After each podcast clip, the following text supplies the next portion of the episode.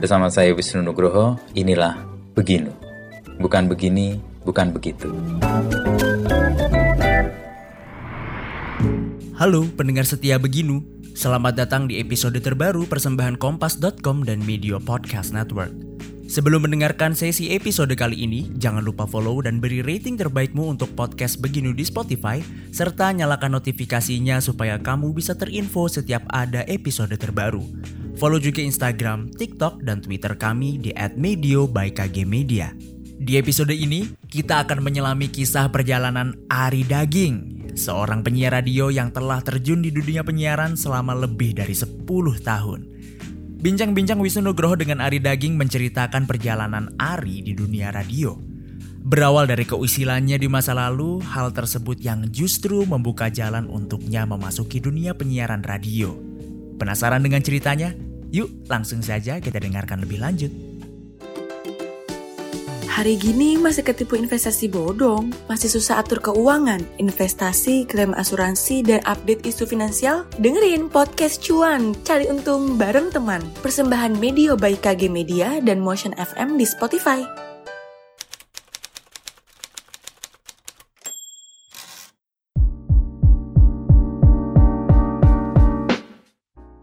Sampai akhirnya eh, terjadilah krisis moneter dan bokap gua Terdampak. itu terdampak banget gitu ya karena pekerjaannya waktu itu ya udah terus gue diajak temen gue waktu itu kerja di radio Vena Anissa Vena, ah, tahu. Vena Anissa yang yang kemarin gua. terakhir di Motion ya. yes Vena Anissa yang ngajak gue lo mau jadi produser gue nggak?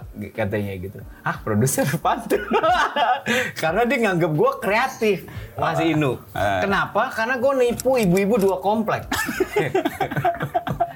Karena ibu dua, dua ibu, dua komplek itu dianggap kreatif. Tahu gara-garanya apa? Jadi tetangga gue, which very close to me, gitu deket banget sama gue, minta tolong. Karena di saat itu pun gue teman-teman gue tuh banyak yang ada di musik gitu, sound system dan lain-lain. Oke. Dia lihat itu gitu dia tahu. Terus dia nah, ke gue dipanggil ke rumahnya gitu, Mas Hari tolongin aku dong. Ah, kenapa tante? Besok aku mau arisan gitu. Oh hari Minggu aku mau arisan. Oh iya, tolong siapin. Aku mau nyewa sound system dia bilang. Oh ya udah. Catering nggak sekalian? gue juga nggak tahu. Oke ya udah, aku ada. Ya udah, siapin lah. Gue telepon temen gue. Eh, tanggal mau arisan nih sound system. Udah set, di set lah dia Sabtu. Tiba-tiba Minggu pagi gue ditelepon sama tante itu lagi. Mas Ari, ini tolong. Kenapa tante? Alatnya kurang. Enggak. Ini arisannya nggak jadi. Loh, kok nggak jadi? Ini rumahnya gede banget rumahnya dia nih. Kok nggak jadi tante? Iya, karena ada salah satu keluarga kita wafat di Solo. Kita semua Oke, mau berangkat ke batal. Solo. Batal acara tapi kan cateringnya udah dipesen ya, nggak bisa dibatalin. Nanti kamu undang aja teman-teman kamu makan di rumah. Gila gue, Hah? kan catering Iya, iya, iya. kayak gitu kan pasti Banyak masif ya, ya, masif. Gue bilang apa ya kalau supaya teman-teman gue mau datang ya gitu. Gue mikir, gue udah bilang aja. Nah anaknya tante itu teman gue, gue bilang, eh gue mau ngundangin teman-teman gue. Gue bilang lo mau tunangan ya sama cewek yang udah ada suaminya gitu. Tapi lagi masalah gitu, Oke. gue undang lah dia. Iya deh gitu, gue kasih tahu juga temen gue yang cewek. Gue undangin semua teman-teman tapi nggak bilang. Gue bilang pas di situ dia mau kawin sama ini gitu. Wah jadi gosipnya di ibu-ibu. Si temen gue yang cowok ini adalah orang ketiga dari perempuan ini. Rame sampai semingguan Di diomongin di komplek, dua komplek. Sampai teman gue gerah. Eh gue diomongin sama ibu-ibu pengajian di masjid. Udah lo kasih tahu dah katanya. Apa yang Ya, benar? Iya. Akhirnya gue kasih tahu. Nah gara-gara itu gue kerja di Prambors. Hmm. Diajak Vena. Disangka gue kreatif. Kagak. Tapi kan bener lo menghadirkan orang yang tadinya acara sudah batal ya Hmm. dari sesuatu yang situasi duka ya. Iya. Lo jadi sesuatu yang gembira. Itu, kan kreatif Iya sih. sebenarnya menciptakan sesuatu. gue gak kepikiran itu. iya Terus Vena kontak lo karena Iya. dia denger itu. Dia orang kompleks sebelah atau Enggak, dia tuh temenan sama eh, teman gue, tetangga kita juga, tetangga Oke. gue juga. Dia sahabat denger-denger ya. itu Iya, jadi itu. denger dari si temen gue itu, gitu. Ya, gitulah awal ceritanya. Karena itu lo dianggap kemudian punya kapasitas jadi produser. Lo. Iya, iya. Terus lo nanggapin itu gimana? Gue kan gue bilang ya udah deh gue ke kantor lu dulu deh. Radio Hmm. Prambors. Gue dulu cuma dengerin Prambors saat gue SMA udah berangkat sekolah gitu. Ya, selebihnya gue bukan pendengar radio. Jadi gue waktu datang ditanya sama PD-nya waktu itu karena aku ih Mbak Mia Fauzia kalau masih ingat Mbak Mia Fauzia PD-nya. ah, PD-nya waktu itu. Dia tanya lo dengerin radio gak? Kagak ya denger lah sekali sekali gue bilang lo dengerin apa? Gue bilang hard rock salah banget gue di Prambors saat itu kan 90-an kan beda. Gue mana tahu ya kan? Iya, iya. hard rock aduh. Yaudah lo pulang dulu deh gitu lo dengerin Prambors seminggu dia bilang. Oke. lo dengerin siaran Nevena sama Irfan nih tiap pagi. Iya deh udah gue tiap hari gue dateng nih. Eh dengerin, dengerin. radio sampai seminggu kemudian gue balik lagi. Oke. udah dengerin belum? Udah. Ngerti nggak? Enggak ya udah gue diajarin novena apalah segala macam deh lah. Probation lah Oke, ceritanya. gue ingat probation gue tuh waktu itu mau ulang tahun Jakarta meeting gede. Gue udah masuk beberapa minggu gitu ya. Tahun berapa tuh, geng? 99 99, oke. Gue meeting gede sampai itu hari itu di mana gue dapet nama Daging Oh, oke. gitu. Tadi gue disuruh reportase ulang tahun Jakarta 24 jam, setiap jam sekali gue naik ngasih tahu spot-spot mana di Jakarta yang, Yang rame, rame lagi dan bersejarah dan lain-lain. Pokoknya landmark lah ya di Jakarta. Gue bilang anjir itu gimana tuh? ya?" Terus gue bilang gimana tuh? Eh ya udah pokoknya gimana caranya lah pokoknya lo harus bisa gitu. Kalau lo nggak bisa besok nggak usah masuk gitu. Lo nggak usah balik lagi. Gue di ultimatum gitu. Wah gimana ya? Yaudah deh. Terus nama lo ganti kata Irfan sama Geronimo Bosa waktu itu temen gue apaan nama gue kan bagus gitu Arya Priludi gitu. Enggak, enggak jualan kan. Nama lo Nggak ada-. Iya, enggak laku, enggak jualan, enggak menjual gitu. Gue inget tuh enggak menjual nama lo. Oke. Nama lo ganti. Namanya ap- apaan? Hari daging aja lo, karena ada hari tulang siaran Oh, tiap iya, Rabu iya. waktu itu. Ya udah deh, gue terima aja. Cuma cara nulisnya gue waktu itu kan ya mas- masih karon-karonnya 80-an berasa gitu di 90-an jadi D A G I E N K Z gue Oh, iya, gituin. iya, iya, Dagings gitu. Nah, Angga baik tuh, Angga uh, Arlingga Panega waktu itu baik banget sama gua. Udah lo nih, gue dikasih buku sejarah Jakarta. Lo nggak usah pergi-pergi, lo di rumah aja nih pakai ini gitu. Laporan dari Laporan. Jadi gue buka buku. Pagi gue sampai siang gue di kantor, siang gue Oke. pulang ke rumah. Jadi gue di rumah. Jadi tiap di telepon dari studio, gue keluar rumah dulu nyari yang bunyi motor gitu. Tek, tek, Ini gue lagi ada di sini, padahal gue baca. gitu dari ang apa jam 12 Live report. malam. 12 malam masih inut tiap jam sekali. Gila tuh gue tuh. Bilang ya udah besoknya ya udah berjalan Tapi tips lo yang pakai apa keluar jalan itu dipakai reporter radio sampai tahun gua. Masa? Jadi ada reporter, ada nggak gue sebut namanya, satu, salah satu kantor berita besar di Indonesia. Kantor berita besar. Kantor berita besar di Indonesia radio. Jadi dia setiap ditanya kan susah jawabnya kan waktu lagi di kos caranya Iya. nyalain keran. Atau dia starter mobil motor. Oh ya bentar gue lagi di jalan ya. Jadi aman buat dia. Iya. Akhirnya buat laporan juga. Iya, ambience kan penting kan. Kan lo Penting, ke gap kalau di ruangan Iya. gitu. Pada saat itu gue udah ya begitulah gitu. Awalnya banget tuh. Itu awal karir gue. Walaupun setelah itu gue sempet keluar ya karena stres karena gue nggak tahan sama pressure-nya dunia kreatif waktu itu kan. Wah ini gini amat gitu. Gue coba cabut dulu Apa pressure bulan. yang lo rasa banget di dunia kreatif gitu?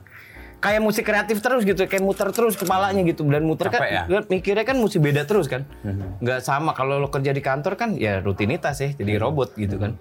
Ya tapi kan ya begitu terus eh, ritmenya, Ritmenya. berulang, berulang, berulang, berulang gitu. Jadi lo ya gimana ya, bukannya terus ngecilin yang kerja di kantoran nih enggak. Iya, ya, ini iya. gue juga kantoran gitu, tapi kan enggak.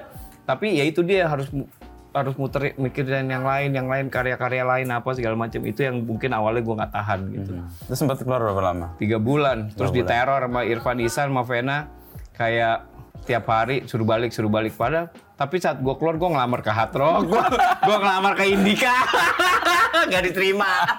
Kayak jodoh lo ke Prambors saya iya terus balik lagi. Bulan, balik lagi. Oh ya udah gitu Atau jangan-jangan mereka kontak kan sama-sama PD mungkin tahu. Mungkin daging jalan ambil lo buat gue aja. ketahuan lagi sama Fla gue lu Oke. ngelamar ke Indika ya gitu enggak gue bilang enggak gue tahu deh Teman-temannya di sana semua. iya gitu Terus tiga bulan lo masuk ke Balik Prambors lagi sebagai produser juga atau? Ah, balik produser lagi Hmm. Irfan Vena terus nggak lama eh tiba-tiba bos gue waktu itu kebetulan anti Sumargo Hmm. Dia bilang lu siaran ya? Gitu. Ah siaran. Gue kan gak pernah di training. Udah nggak apa-apa kalau jelek tinggal gue tendang. Waduh gila. Gitu. Ya udah gue siaran malam nanti Nyoba. sama Reli Marina dibiarin siaran malam. Udah gitu gue lagi kuliah extension Hmm. UI eh, advertising. Siaran malam jadi gue udah pagi nemenin Vena siaran gitu. Sampai sore sore gue ke kampus ke kampus pulang Malam malam, siaran lagi. siaran lagi gitu capek juga tapi ya masih muda ya begitu kan masih energik gitu sikat aja gitu angin malah kuat ya, bukan angin Gak pernah sekarang. pulang gue dulu Mas Ino Oke, oke. gue gue di kantor tuh bener-bener pulang hari Minggu doang sampai bapak gue gini, lo kerja apaan sih? pulang cuma hari Minggu doang naruh baju kotor, Senin balik lagi nggak pulang-pulang. Kalau gaji cuma 500 ribu mah, papa bayarin aja sini gitu. Dia nggak tahu kalau gaji 350 ribu sebulan. 350 ribu. tiga ratus ribu. Tiga ratus lima puluh ribu, gitu. Cuma Tapi ya apa yang membuat lo terus bertahan di situ? di radio ini, gua, gua, gua apa ya? Kayak finally setelah setahun mungkin ya gue siaran atau ya siaran malam sih ah, di di radio gitu, gue nemuin kayak wah gila ini pekerjaan yang menyenangkan ya. Gue kayak nemuin my needs untuk gue tuh seneng nongkrong sebenarnya, seneng mendengarkan cerita orang, Ya. seneng observasi ternyata. Eh, oh orang ini begini ya, orang ini begini, ini begini begini gitu. Nah itu yang yang membuat gue menemukan itu plus pada hari itu juga gue bisa menemukan Prambors apalagi hari itu ya. Lagu-lagu baru yang belum hits. Bahkan kita Punya hits maker itu, gitu. Iya hits maker gitu. Lagu ini bisa kita jadiin dan terbukti gitu. Banyak sekali lagu-lagu yang besar Muncul di Indonesia Prambors. muncul dari Prambors. Dan gue tahu banget prosesnya dari awal dari mana asalnya dan lain-lain. Kayak band Mew pertama kali datang lagunya 7 Mew, menit. ya. yes bos gue bilang ini lagunya gimana? Converting sound waktu itu gue ingat Oke, ya udah potong jadi radio edit. Kalau ini kita puterin ah, apa ah, high rotation, kalau jadi sebulan kita datengin Miu. Dan kejadian kita datengin Miu-nya, walaupun ada bom ya, nggak jadi Ya, main ya, di ya. Jakarta, tapi main di Bali. Gua ketemu tuh sama Miu-nya. Jadi itu yang membuat gua, wah ini seru banget gitu loh. Ada proses menjadikan seseorang atau sesuatu menjadi Yes. make, apa Iya, tren ya? iya, apa pun itu ya. Ya maksudnya kebutuhan gua untuk mendengarkan cerita orang, gua hangout ketemu orang-orang baru, eh, terus mendengarkan lagu-lagu baru, menjadikan sesuatu apa itu gua ternyata gue menikmati itu gitu. Jadi Dan di radio difasilitasi Iya, untuk iya. mendapatkan semua iya. itu. Walaupun nggak kelihatan ya orangnya kadang-kadang ya gitu. Tapi iyalah kan Suaranya cuma ngebayangin doang gitu. Apalagi dulu nggak ada sosial media kan waktu gue mulai. Iya, orang nggak tahu. Iya, orang nggak tahu. Cuma bayangin aja yang nongkrong bareng gitu loh. Gitu sih. Ya. Eh, tadi kalau milih nama daging, itu tadi belum kejelas. Lu kenapa milih daging? Karena Bukan dari gua. satu. Mm-mm. Yang ngasih Irfan sama Nimo itu. Lu dibaptis lah pakai nama Iya. itu. Oke. Lu nama lo daging gitu. Timbangannya apa karena? Karena gue lebih gemuk daripada dari tulang. Udah itu doang. That's it. Oke, dan lu terima sampai sekarang ya? Gue nggak boleh nolak. gue sampai lupa nama gue yang mana sebenarnya. gitu. Oke, terus lo membangun radio, lo menemukan kesukaan lo nongkrong, ngobrol, lalu menciptakan sesuatu. Lo kan pindah kemudian siaran ya? Yes. Di pagi atau yang Ke pagi terus sih gue. pagi terus kan dari malam kan tadinya? Oh iya malam. Itu dari malam itu tes doang tiga bulan. Gue siaran malam sama Rally Marina. Akhirnya pada suatu hari di bulan Januari benar-benar first day di bulan Januari gue siaran pagi. Yang gue dikasih tahu sebelumnya. Itu gue deg-degan bangun pagi deg-degan satu setengah tahun tuh gue ngerasain. Iya karena gue nggak pernah di training masih Inu. Gue nggak nggak siaran. pernah training pakai alat ngomong apa nggak pernah. Itu gue deg-degan tiap hari apalagi pertama gue diplotin ke- pasangannya sama Rally Marina. Dalam sebulan Rally Marina, Rally Marina resign. Mati lah gue gue kan waduh nih gila nih gitu. Dan itu prime time kan? Eh, Pagi. prime time gila. Terus radio Prambors pula gitu kan yang anjir nih gila nih gimana ya akhirnya gue siaran sama bintang tamu bintang tamu. Gantian. dari mulai model gantian David Bayu dan lain-lain segala macem lah sampai ketemu Desta gitu. Desta aja mau di kick out dulu sampai gue gue bilang jangan deh dia yang paling lama nih. Gue bilang ah bos gue nggak progres nih gini gini gini gini. Gue bilang jangan deh gitu. Nih sayang nih gue udah lama, lama nih sama dia nih gitu. Paling lama sama dia gitu. gitu ya udah. Ya dan selanjutnya sampai hari ini gitu Ya. ceritanya. Kemudian lo di Prambors kan tadi satu setengah tahun lo hampir deg-degan terus Heeh, ganti tiap bintang pagi, tamu ganti iya. tamu. Terus lo yang membuat lo klop dengan eh, penyiar yang jadi tandem lo itu apa biasanya? Nah, ternyata ka- kalau gue gua bercoba untuk menganalisanya gue hari ini eh, sekarang ya gitu, kenapa gue ini gue tuh selalu tertarik, gue gue bisa menempatkan diri, menurut gue gue bisa me- menempatkan diri di mana eh, kayak gue tuh pengen banget tahu dia gitu apa pun pekerjaannya apa pun orangnya siapa pun orangnya apa pun pekerjaannya gue selalu pengen tahu lu mau kasih gue siapa aja gitu? Gue tuh Bisa pengen ngulik. tahu iya bisa ngulik gitu Curiosity-nya gede ya. Nah itu dia, gua gua kayaknya itu gitu yang gue pikir iya ya gitu. Gua menurut gue sih gue punya punya punya skill itu gitu. Hmm. Gua nggak tahu itu perlu atau enggak sih.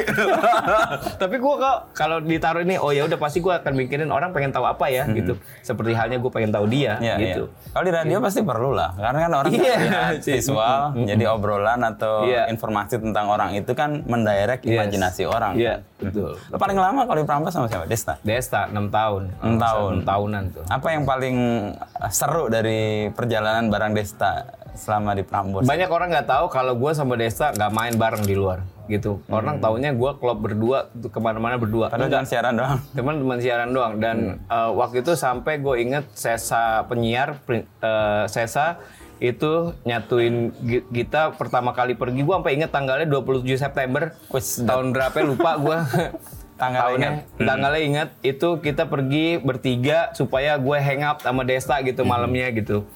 Eh, ke Pisa Cafe kalau nggak salah. Itu. Di- Pisa dekat- Cafe ya, ya, Teresia. ya, udah Teresia. nggak ada sekarang. Gitu. Jadi ya itu dia. Karena pertemanan gue sama Desta beda gitu Desta main sama siapa gue main sama siapa gitu. Tapi ketemu di ruang siaran. ketemu di ruang itu. siaran. Kadang-kadang ya kita janjian eh, ntar lu balik kantor gak balik balik ya udah kita ketemu di kantor gitu. Gitu. Di satu malam minggu atau apa gitu. Ya udah ketemunya di situ. Karena gua ya, bertahan enam tahun padahal secara chemistry untuk kehidupan non siaran Iya. nggak ketemu tuh.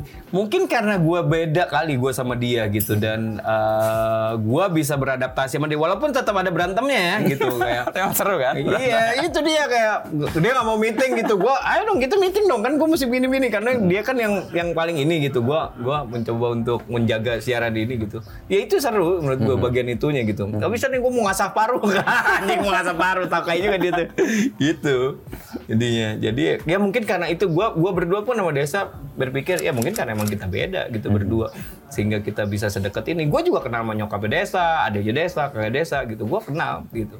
Dan bisa gue bilang ya lumayan lah gitu hubungan kami gitu keluarga. Dan tapi ya itu kita nggak hangout bareng gitu. Beda hangoutnya. Gitu. Tapi untuk membangun chemistry di radio, lo bisa menemukannya karena apa? Ya itu gue rasa rasa curiosity gue yang cukup Tinggi ya? cukup tinggi gitu Jadi waktu itu udah ngeband ya sama klub etis? udah Oh, kan udah ya? karena dia gue ajak karena dia di klub etis gitu. Hmm, ada lembu, ada lembu lembu di rolling juga itong bahkan iyep semuanya lah Lo pernah siaran sama lo juga? semua semua naif aja semua Oke. iya gigi aja hampir semua tuh Hmm. gigi kecuali Thomas ya Thomas kalau ngomong sama gue ketawa doang kamu tuh tuh gue pernah siaran Ramadan sama Thomas, gue jemput Samotnya di Atro Cafe jam jam 3 pagi. Ayo buat siaran sama gue. ya oke oke gitu. Dia baru kelar. iya, dia lagi duduk di bar. Udah begitu siaran, siaran, siaran, siaran. Ini Sahur. puasa sahur lagi. Cuma cengengesan doang ngepet juga nih Samot dikit. gitu. Terus di Prambors 6 tahun siaran, abis itu lo Oh, di Prambors gue 10 tahun. 10 tahun total 10 ya? tahun, bener. 10 tahun. Tapi yang siaran sama Desta 6 tahun tadi? 6 tahun. Hmm. Habis itu lo ke mana? Gua kebetulan waktu itu ini, Ini di telepon ya mah grupnya beliau. itu aneh tuh karena kan gue udah selesai sebenarnya. Kontrak Gue udah selesai. ka- Prambors. uh, kita kayak merasa stagnan waktu itu. Ini banyak teman-teman. Gue baru ketemu orang kemarin Atreyu Moniaga yang uh, seniman. Dia bilang kita patah hati se- sekolahan tuh waktu lo berhenti berhenti Siaran, siaran, oke. gitu. Hah? Gue iya satu sekolahan beneran kita patah hati lo berhenti siaran. Jadi banyak yang nggak tahu kalau kita berhenti siaran tuh karena merasa stagnan waktu itu. Karena selama siaran di Prambors itu kebanyakan yang memikirkan program dan lain-lain apa ngapain itu kebanyakan akhirnya gue bukan mau eh, apa eh, menjadi sombong atau jumawa gitu enggak. Tapi kebanyakan gue tuh selalu mikirkan mikirin. gitu gue mikirin gimana harus gimana apa bikin apa apa tapi bagusnya Desta selalu makan terus gitu itu yang bikin seru. Ya udah nggak apa-apa kan itu partnya dia gitu. Iya, dan iya. itu susah juga sebenarnya. Nah cuma kan lama-lama stuck juga ya gue habis juga kali itu idenya. mikir gitu idenya tiap hari gitu. Sampai akhirnya nah produser-produser di radio itu menurut gua jenjangnya tuh agak kurang apa ya kurang Kurang pas kalau di Indonesia. Karena kan yang namanya produser lo harus produce kan. Ya. lo harus produce the show lo harus tahu penyiarnya siapa lo tahu lagu-lagunya lo tahu flow-nya bagaimana. Itu namanya produser.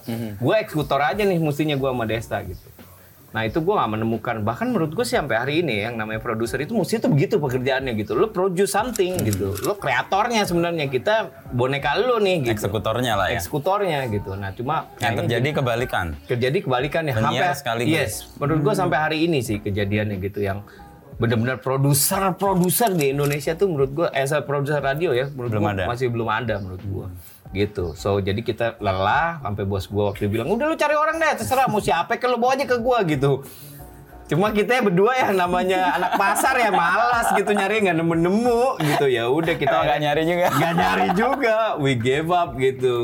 We gave up, sempet ditawarin sama satu radio, kita berdua, Desa mau berhenti aja gitu, mau berhenti, mau break jadi penyiar.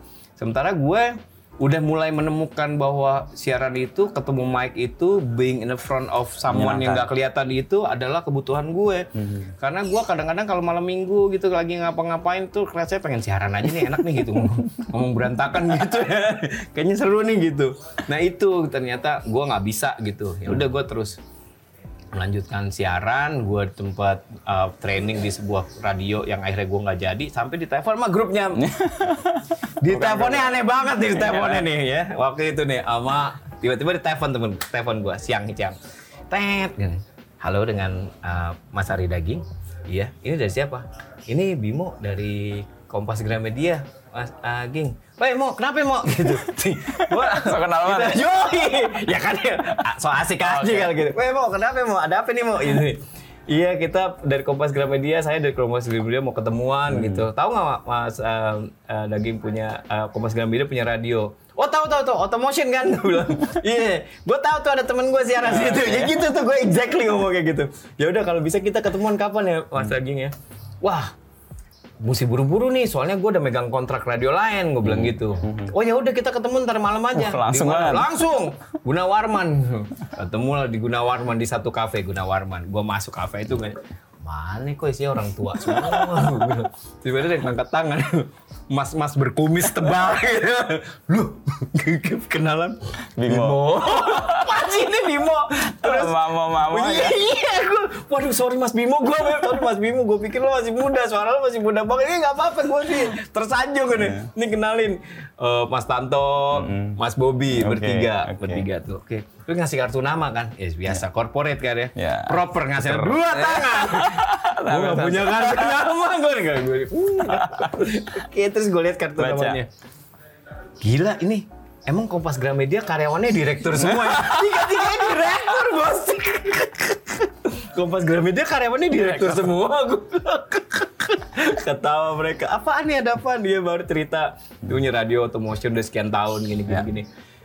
Menarik sih gue bilang, tapi gue udah megang kontrak ini nih gimana ya caranya? Datang deh ke kantor. Besoknya gue langsung datang ke gedung kontan tuh Oke. lihat radionya bilang nih begitu nyampe gedung konten coklat coklat gitu automotion ya radio apa? Kayak kelurahan begini gue bilang radio juga kayak gitu kan. mana ada anjing lagi dulu Toto tuh. Wah, kayak kelurahan nih gue gak ada orang. Pagi-pagi ya? pagi-pagi. Yang penyiar pagi kagak ada pergi. Nggak tahu ke mana udah rekaman. Yang ada cuma Mas Tanto sama Mas Ari dong tuh berdua gue inget banget. Ini karyawan cuma berdua ya Mas Tanto? Dua tapi direktur semua. Gila aku bilang. Wah iya nih lagi pada izin eh, apa cuti apa apa gitu. Datangnya Kamisan aja kalau mau. Kamisan. Waduh gue lagi yang kontrak ini gue mesti tahan dulu nih. Ya udah Kamis deh gitu. Gue nggak tahu pertama kali gue datang ke ke Automotion Kontan. waktu itu tuh gedung kontan kayak wah nih berantakan abis-abisan nih nggak kayak radio gitu ya. Tapi gue menemukan keseruan gitu. Nah gitu, pas gue datang hari Selasa, Kamisnya, pas Kamisannya mereka ternyata emang tiap Kamis mereka kumpul. Gue kayak dosen, kayak lau, kayak dosen tamu. Gue ngasih tahu gue begini-begini. Di depan gue ada orang-orang gitu. Padahal mereka ada yang lebih tua dari gue ya apa gitu. Ya gue begini-begini. Gue gue kayak dosen tamu ya, gue bilang gitu. Ya udah gue balik, gue dibilang sama Mas Tanto gimana? Ya gue sih tertarik, gue bilang dia lebih seru kayaknya. Cuma gue nggak bisa sendiri, gue ngajak orang, gue ngajak orang lah.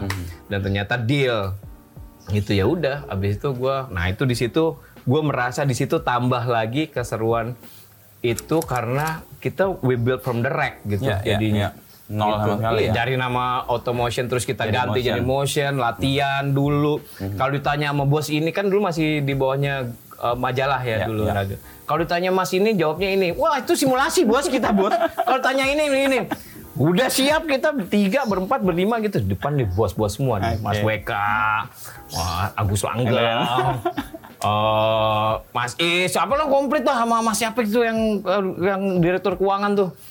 Gue udah, wah deg-degan gue. Terus Not ngomong, eh Mas Tanto ngomong, ya kita datang ke sini niatnya untuk mengganti nama Automotion karena kalau Automotion nggak bisa jualan bedak gini gini gini gini.